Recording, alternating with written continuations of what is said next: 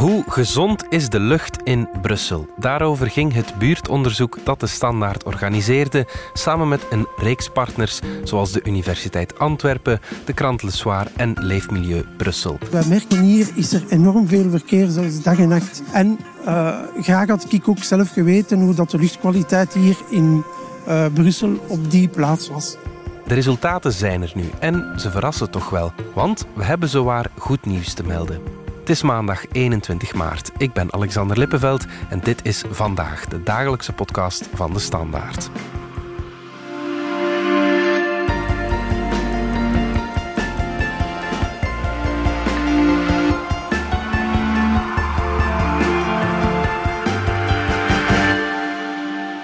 En nu ik het toch over goed nieuws heb, op zaterdag 2 april kunt u mij en mijn collega's ontmoeten en bezig zien samen met heel wat andere podcastmakers in het Cursaal in Oostende voor ons eerste grote podcastfestival. Tickets en info vindt u op dspodcastfestival.be. Ine Renson, in 2018 heb je echt een tour de force uitgehaald met Curieuze Neuzen, een burgeronderzoek naar de luchtkwaliteit in Vlaanderen daar heb je nu een vervolg aan gebreid. Ja, dat klopt. Wie zich het uh, burgeronderzoek Curieuze Neuzen Vlaanderen nog herinnert, weet misschien ook nog dat er in het midden van die kaart die we toen hebben gemaakt een groot wit gat zat. Ja. Een blinde vlek, Brussel, het Brusselse gewest. Daar kon toen nog niet gemeten worden. En dat hebben we nu ingevuld. Die blinde vlek is opgevuld en we hebben op heel veel plekken in Brussel de luchtkwaliteit gemeten, tot zelfs in de tuin van de koning toe. Oké. Ja, dus 3000 burgerscholen, bedrijven en instellingen hebben in de maand oktober oktober uh, van vorig jaar met een heel eenvoudige, maar zeer betrouwbare meetopstelling aan hun raam de concentraties stikstofdioxide gemeten. Mhm. Stikstofdioxide is een uh, goede parameter voor verkeersvervuiling. Ja. Die zijn geëikt aan uh, negen officiële meetstations van het Brusselse gewest. Mhm. Door dat te doen, die meetstations die meten elke dag het jaar rond, kun je de waarde voor één maand, voor oktober, omzetten naar gemiddelde jaarconcentraties. Ah, ja. Dus dan weet je eigenlijk de concentratie voor het hele jaar. Ja, ja, ja. En dan kun je de resultaten voor elk meetpunt in Brussel toetsen aan de normen van Europa en van de Wereldgezondheidsorganisatie. Ja, oké. Okay. Um, Ine, mensen verwijten ons wel eens dat we makelaars van slecht nieuws uh, zijn. Maar jij had dit weekend wel goed nieuws. De luchtkwaliteit in Brussel is misschien niet zo slecht als we zouden vermoeden. Vertel. Ja. Dat klopt. En dat was echt wel een verrassing. Um, in grote delen van het Brusselse gewest is de luchtkwaliteit eigenlijk vrij goed. Ja, Als je okay. dus, we, we, maken daar een grote stippenkaart van met kleuren, bolletjes in, in kleuren volgens de resultaten. En als je die kaart ziet, uh, daar zitten vrij veel blauwe, groene, lichtgele bollen ja, in. Die dat, wat betekent een vrij goede luchtkwaliteit. Dat zou je niet verwachten als je ooit al met de auto in Brussel nee. uh, rondgereden hebt. Hè? Brussel ja, is een notoire autostad, uh, een groot stad bovendien. Is heel vreemd. Hè? Maar dus de gemiddelde concentratie van stikstofdioxide is 24 microgram per kubieke meter lucht. Mhm. Uh, als je dat op een schaal uitzet, betekent dit een vrij neutrale waarde. Dus niet goed, maar ook niet slecht. Hè? Zo wat gemiddeld. Belangrijk om te weten, volgens de Europese luchtkwaliteitsrichtlijn van 2010 mag niemand op een plek wonen of werken waar de concentraties de grenswaarde van 40 microgram per kubieke meter lucht overschrijden. Oké.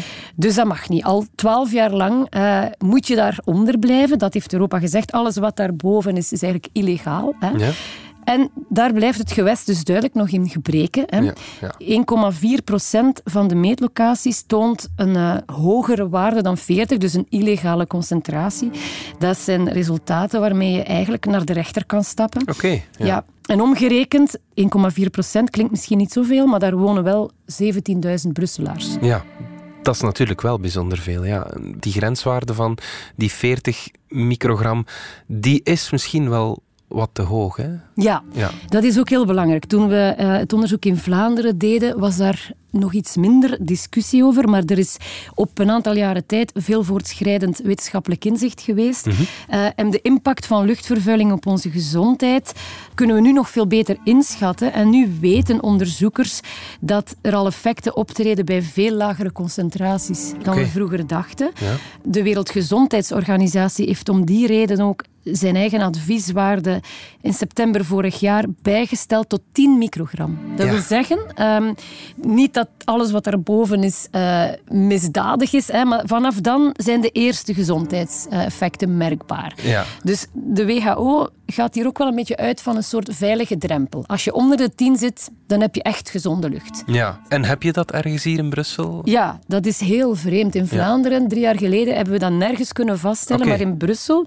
heb je dus effectief 1,6 procent van de meetpunten, omgerekend een kleine 20.000 Brusselaars, woont op een Ah, ja. plek waar de lucht van een Scandinavische zuiverheid is. Oké. Ja, die nieuwe drempelwaarde van de WHO zet de uitdaging voor Europa op scherp. Mhm. Want Europa zal weldra de norm bijstellen naar 30 microgram. Ja. En op termijn vermoedelijk naar 20. Ja. Dus dan, als die luchtkwaliteitsrichtlijn wordt bijgesteld, zijn de concentraties boven 30 microgram ook verboden. Ja, ja, ja. En dat zijn er in Brussel al een pak meer. Hè. Dus dan moet het beleid zich nu daar echt op richten. Ja. Zeker in het centrum van Brussel hè, moet op heel veel plekken de luchtkwaliteit toch nog drastisch verbeterd worden. We mogen ons dus zeker niet blind staren op die ja, achterhaalde grens van 40 microgram. Het is een norm van 20 jaar geleden, gebaseerd op de kennis van toen en ook eh, het gevolg van een politiek compromis. Ja, oké, tuurlijk. Misschien moeten we toch nog even stellen wat juist het probleem is met die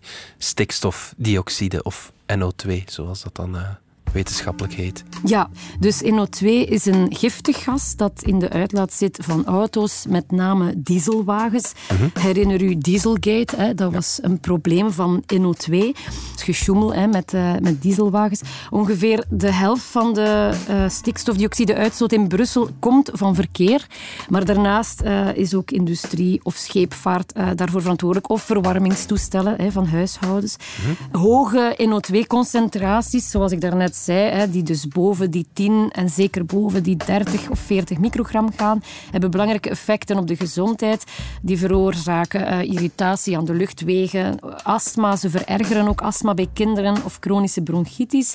Interessant ook onderzoek, Vlaams onderzoek van de Universiteit Hasselt, heeft ook aangetoond dat er een duidelijk verband is tussen verkeerspollutie en de cognitieve ontwikkeling van kinderen, hun leerprestaties dus. Ja. En er zijn ook studies die eh, NO2 linken ah, en ook nog andere giftige stoffen in de uitlaat van auto's linken aan hart- eh, en vaatziektes en zelfs ook long- en borstkanker. Ja. Dus dat is niet niks natuurlijk. Nee, dat is zeker niet niets. Ehm, wat mij verrast, is dat Brussel, we zeiden het al, eigenlijk beter scoort dan bijvoorbeeld Antwerpen.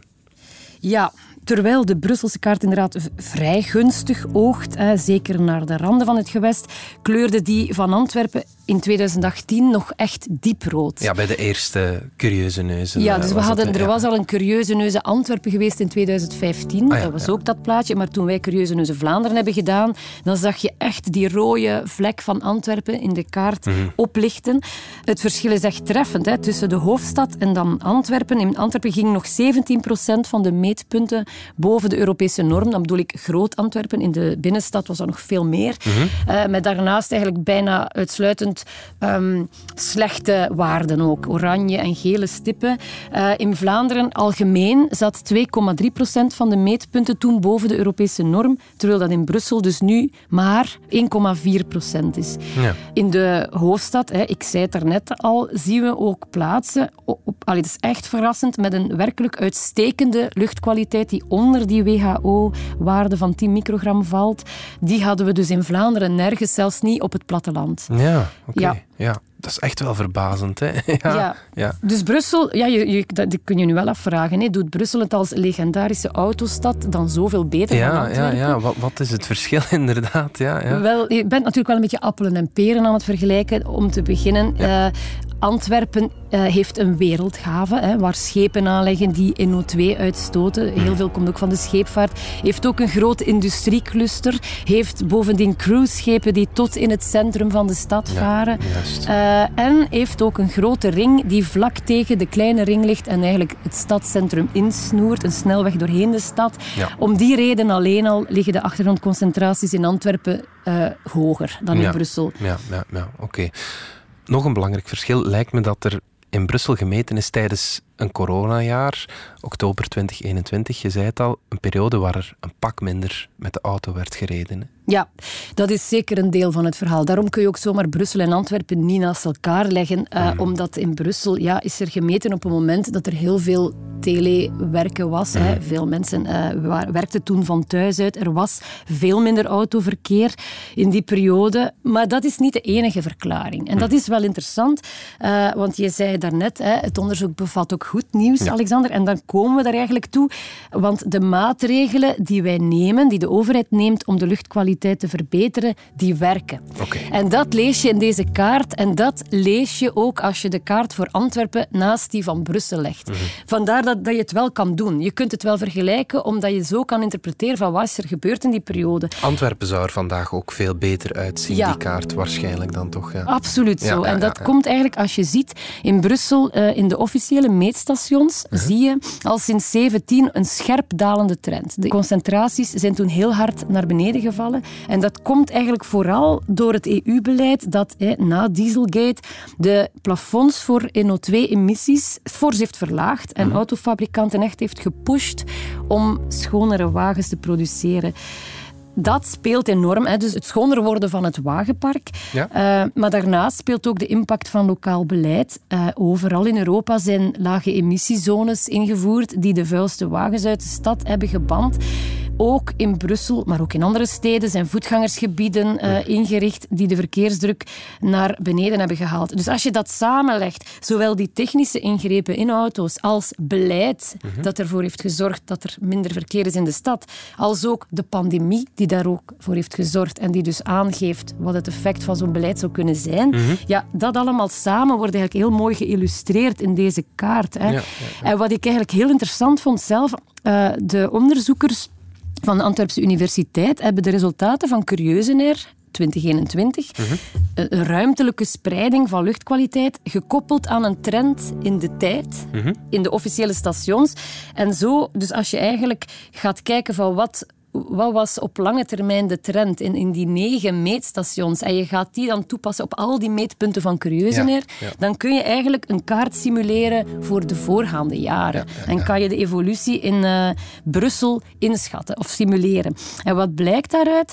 Uh, dat is een schatting, maar dat, is toch, dat benadert toch goed de werkelijkheid van toen, dat in 2019, dus net voor de pandemie, zou ook in Brussel nog ruim 8% van de meetlocaties boven de Europese norm hebben gezeten. Ja, dat is een verschil met die, wat was het, 1,4? 1,4. Ja, dus een, groot verschil op twee jaar tijd, hè, ja, amper twee jaar tijd. En in 2010, als je nog verder terugkeert, was dat zelfs nog de helft. Oké, ja. Dus als je die kaarten naast elkaar legt, hè, dat is ook wat we dan in, in de krant hebben gedaan, dan zie je gewoon de luchtkwaliteit in Brussel opklaren. Ja. En dat bewijst dus effectief hè, dat beleid loont. We kunnen dat gewoon aflezen in deze data. Ja. Ehm, wat dan interessant is eigenlijk, is dat deze kaart ook uh, veelbelovend is voor andere steden. Ja, absoluut. Er is hoop, dat kunnen we wel stellen, denk ja, ik. Hè? dat is eigenlijk de belangrijkste conclusie die professor Meisman van de Antwerpse Universiteit, de wetenschappelijke coördinator van dit onderzoek, hier ook uittrekt. Die zegt ook echt, er zit hoop in deze kaart. Ja, oké. Wat ook interessant is, is het um, verbeteren van de luchtkwaliteit uh, in Brussel en hetgeen wat wij zo hebben gesimuleerd hè, met die kaarten, dat zie je ook echt in de cijfers van de NO2-doden. Ja. Uh, dus um, het Europees Milieuagentschap berekent elk jaar voor alle Europese landen hoeveel mensen vermoedelijk zijn overleden aan de gevolgen van luchtvervuiling. In dit geval NO2. In 2014 had ons land naar schatting 1870 NO2-doden. Ja. In 2019 waren dat er nog maar 750. Dat is al een wezenlijk verschil, hè? absoluut. Um, je zei daarnet dat de koning ook heeft meegedaan. Hè? Ademt hij een beetje gezonde lucht in? Ja, absoluut. Uh, toch zeker als hij thuis is in Laken. Ja. Um, want dat valt wel op in Laken, waar de resultaten uh, globaal variëren van gemiddeld tot slecht, vallen dan plots enkele donkergroene stippen op in het koninklijke domein. Het is daar wel heel groen.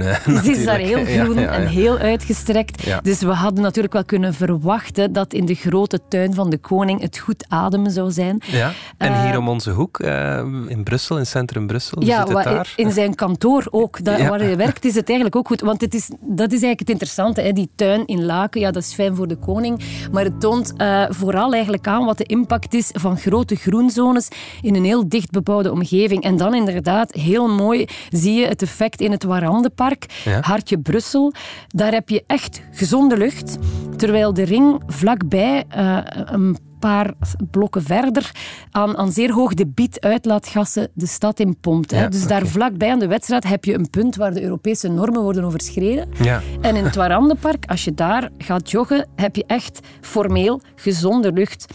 En nog spectaculairder in het zuiden van Brussel, hè, in het uh, Zoniumwoud en ook daar rond, hebben we extreem lage achtergrondconcentraties. Heel opvallend wel dat die parken zo'n effect hebben, ook als een park in het midden van de stad ligt naast een drukke verkeersas, is de lucht echt merkelijk zuiverder. Ja, dus Ja. dat is ook echt zo. Als je gaat op de middag gaat wandelen, hè, als Brusselse pendelaar bijvoorbeeld, in plaats van in je kantoor te blijven zitten, je gaat eventjes de stad in, je gaat daar je broodje eten in het park, ja, dan adem je op dat moment echt zuivere lucht. Ook al zit je met hele slechte concentraties een beetje verderop. Dat is eh, ja, eigenlijk wel geruststellend, hè, dat die vuile lucht van de ring niet komt overgewaaid. En dat bewijst opnieuw dat de kwaliteit van de lucht die wij inademen elke 100 meter anders kan zijn. En doorheen de Ja. dag beweeg je. Je blijft natuurlijk niet in dat Warandenpark. hè. Je beweegt je doorheen de stad. En eigenlijk waar wij doorheen de dag aan blootgesteld zijn, dat is een, een soort samenstelling van al die concentraties op al die plekken waar we ons begeven. Maar dus ja, heel interessant om te zien wat het effect is van parken. Trouwens, mensen denken soms dat bomen zelf de lucht zuiveren. Dat is niet helemaal waar. Dus die halen wel CO2 uit de lucht in mindere mate pollutie. Ehm, de impact van parken is eigenlijk veel simpelder. Dat zijn gewoon plekken waar geen verkeer is. Ja. Hè? En waar bomen staan, rijden geen auto's, dus heb je geen uitstoot. Ja, oké. Wat zijn de beste plekjes in Brussel naast eh, de koning eh, zijn parken? Ja, opvallend. Als je naar gemiddelde concentraties dan toch even weer kijkt, dan zie je dat bijvoorbeeld Watermaal Bosvoorde in het zuidwesten van het gewest gemiddeld 13,14 eh, microgram per kubieke meter lucht haalt. Woluwe 15,3, Ukkel en Oudergem 16, wat telkens goed tot zeer goed is. En dat zijn dan nog de gemiddelden. Ja. In die gemeenten heb je ook heel veel punten met echt excellente luchtkwaliteit, dus onder die gezondheidsnorm van de WHO. Ja, maar dat zijn allemaal ja, rijkere buurten. Hè? Ja, absoluut. Dat is echt zo. En het omgekeerde is jammer genoeg ook waar. Hoe armer de buurt, hoe ongezonder de lucht. Ja. Eh, helemaal onderaan in het lijstje staan Molenbeek met eh, gemiddeld ruim 28 microgram eh, per kubieke meter en Sint-Joost met gemiddeld 30. Eh, ook in die gemeente, dus zowel in de Brusselse Vijfhoek als in de 19e-eeuwse gordel daar rond, zie je de plekken waar heel veel uitschieters zijn. Dus eigenlijk de hotspots, de kleine ring, eh, een aantal drukke straten, uitvalswegen ook eh, naar de snelweg, waar heel slechte waarden worden opgemeten. Ook bijvoorbeeld ehm, de Leopold II-laan richting Koekelberg, Ja, eh, ja, ja. Ganshoren. Dus daar zit het eigenlijk echt niet goed. Hè, de slechtste waarden zien we daar ook echt in. Die 19e-eeuwse gordel, eh, stukken van Sint-Gillis en Anderlecht ook. Dat zijn telkens opnieuw buurten met een hele hoge bevolkingsdichtheid en met eh, de grootste armoede. Eh, je kunt alle mogelijke sociale parameters bovenop de kaart van Curieuzeneuzen leggen en telkens heb je een hele sterke correlatie. Dus je ziet dat... ehm, dus een partner in het project was de ULB, Université Libre de Bruxelles. En daar heeft professor Dirk Jacobs dit onderzoek gedaan. Die heeft dus echt gekeken van wat is de sociale kloof Ja. in die blootstelling aan luchtkwaliteit. En je- je ziet dus op de kaarten van jeugdwerkloosheid, aantal kinderen in een gezin zonder inkomen uit werk, inkomen in het algemeen. Telkens is er een hele sterke correlatie tussen algemeen armoede, sociale kwetsbaarheid en luchtvervuiling en vuilere lucht. En ja, die mensen wonen dan inderdaad ook vaak in, in de buurten met de nauwere kleine straten, eh, de street canyons. Dat zijn de, de smalle straten waar de vuile lucht tussen de gebouwen blijft hangen. Ja. En de ironie is dan dat dat vaak niet de mensen zijn die, ja, die een auto hebben of vaak met de auto rijden. Hè? Ja, dat is zo. Ja. Want die kaart kan je daar ook nog eens boven leggen. Dus dat is nog een link die uit dit onderzoek komt. De wijken met de slechtste luchtkwaliteit hebben zelf het laagste autobezit. Omgekeerd, de rijke buurten met schone lucht... Daar hebben de huishoudens vaak verschillende auto's. Ja. Hè? Dus als je dat in cijfers uitdrukt, eh 18% van de mensen in Sint-Joost-de-Node heeft een auto. In Woluwe, Sint-Pieters-Woluwe, is dat ruim het dubbele. En dat is echt toch wel een beetje het wrangen van dit verhaal. Hè. Het zijn vaak de wagens uit de rijkere rand, maar ook die van pendelaars natuurlijk uit Vlaanderen en Wallonië, die de luchtkwaliteit in het centrum om zeep helpen. Je hebt natuurlijk de lokale circulatie in die wijken. Je moet het een beetje zo zien als in een heel dichtbevolkte wijk in Molenbeek of Sint-Joost. Ja, mocht iedereen daar ook twee auto's hebben, ja, dan was het probleem niet te overzien. Daar rijden natuurlijk ook nog veel auto's rond van mensen die daar wonen, maar in verhouding hebben zij veel minder vaak een auto dan de huishoudens in het zuiden. Over het algemeen hè, is die, dat verband dat we hier vaststellen tussen armoede en een minder gezonde leefomgeving is niet nieuw. Dat is voor nogal parameters aangetoond. Maar de sociale kwetsbaarheid uh, voor luchtvervuiling en zeker voor verkeerspolitie is eigenlijk nooit eerder in kaart gebracht op wijkniveau voor een grootstad. Ja, en zijn die mensen in die wijken zijn die zich bewust van het probleem en als ze zich van bewust zijn, Geven ze er ook om? Nee, dat is natuurlijk hmm. nog een extra moeilijke dimensie. Uh, het maakt het allemaal heel complex. Die mensen zijn zich inderdaad heel vaak niet bewust van het probleem. Eerder onderzoek heeft al aangetoond dat uh, mensen die hoger opgeleid zijn, rijker zijn, vaak ook veel, zich veel meer bewust zijn van milieuproblemen. Ja. Uh, de vraag is dan of ze, zich, of ze er naar handelen. Hè. Maar ze zijn er zich toch zeker meer van bewust. Maar mensen ja, in, in uh, achtergestelde buurten, kansarme groepen, beseffen vaak niet uh, wat er aan de hand is. Ze hebben ook andere zorgen. We hebben ook reportages gemaakt in die wijken. Daar blijkt heel goed dat ja, je, je loopt daar uren rond, je spreekt heel veel mensen aan. Dat heeft mijn collega Pieter van Malen gedaan. En die, als je over luchtkwaliteit begint, dan denken ze dat het over het weer gaat, bijvoorbeeld. Of het gaat regenen of zo. Ja. Je ziet het ook niet. Hè? Dus men beseft het niet. Wat wel is, men, men ziet natuurlijk wel de druk van verkeer. Dus dat leeft wel. En op zich is dat natuurlijk goed, want dat is hetzelfde probleem. Moeders klagen bijvoorbeeld wel over het feit dat ze met hun kinderen in Molenbeek... Eh, ze hebben geen tuin. Ze hebben weinig plek in huis. Ze moeten dan buiten spelen en er is heel weinig. Er, zijn, mm. er is zo hier en daar een verhard speelpleintje en dat is het. Mhm. Dus daar klagen die wel over. Van waar moeten we met onze kinderen naartoe? Uh, we maken ons zorgen. Ze maken zich meer zorgen over het feit dat die kinderen kunnen overreden worden. Wat natuurlijk een terechte bezorgdheid is. Als je daar dan over doorpraat, dan blijkt wel dat die mama's zeggen ja, mijn kinderen hebben wel vaak last van allergieën of van astma. Ja, we hebben ons al afgevraagd of dat komt door vervuiling. Maar dat is niet de eerste um, bezorgdheid. En ja, dat is het dubbele uh, daaraan natuurlijk. Een beetje de paradox dat de mensen die de grootste slachtoffer zijn van dit probleem, niet de mensen zijn die er uh, van wakker liggen. Laat staan dat ze vinden dat er iets aan moet worden gedaan. Ja, wat ook is, is in, in die buurten, een auto betekent ook vaak nog altijd dat je het gemaakt hebt. De auto blijft uh, heel hard een statussymbool. Dus het is niet omdat die mensen geen auto hebben dat ze er geen zouden willen. Mm. Zij kijken daar wel naar op. En auto's horen nu eenmaal bij de morfologie van zo'n stad. Zij zeggen... Um, er zijn uh, mensen van Noord-Afrikaanse origine, want dat is trouwens nog iets. In die wijken wonen dan ook nog vooral de mensen met niet-Europese roots. Dat is ook nog eens een perfecte overlap. Die, die mensen uh, zeggen ook, als je met hen praat, van ja, dat doet me hier denken aan Marokko. Ja. Al die auto's. Ik voel me hier thuis. Dus dat is, het is allemaal wel heel dubbel. Zeker als je daar als beleidsmaker juist in die wijken, in die gemeenten iets aan wil doen. De achterban van die politici is niet per se vragende partij. Hmm. De vraag is, hoe pak je dat dan aan? Hè? Moet je dan ook op dat financiële bijvoorbeeld je gaan richten? Uh, professor Meisman, hè, die dus, uh, dit onderzoek coördineert, uh, die, die zei een beetje schertsend van kijk, als je in Brussel 20.000 euro wil verdienen op één dag, dan moet je gewoon een actiecomité oprichten en ervoor zorgen dat je straat autovrij wordt. Want dan is onmiddellijk je huis een flink stuk meer waard. Ja, ja, ja, Dat hebben we ook gezien trouwens hè, met Curieuze Neuze Vlaanderen, dat uh, luchtkwaliteit een impact heeft op de prijzen van huizen. Maar laat ons toch ook onthouden dat onze luchtkwaliteit al merkbaar verbeterd is. Ine Renson, dank je wel. Graag gedaan.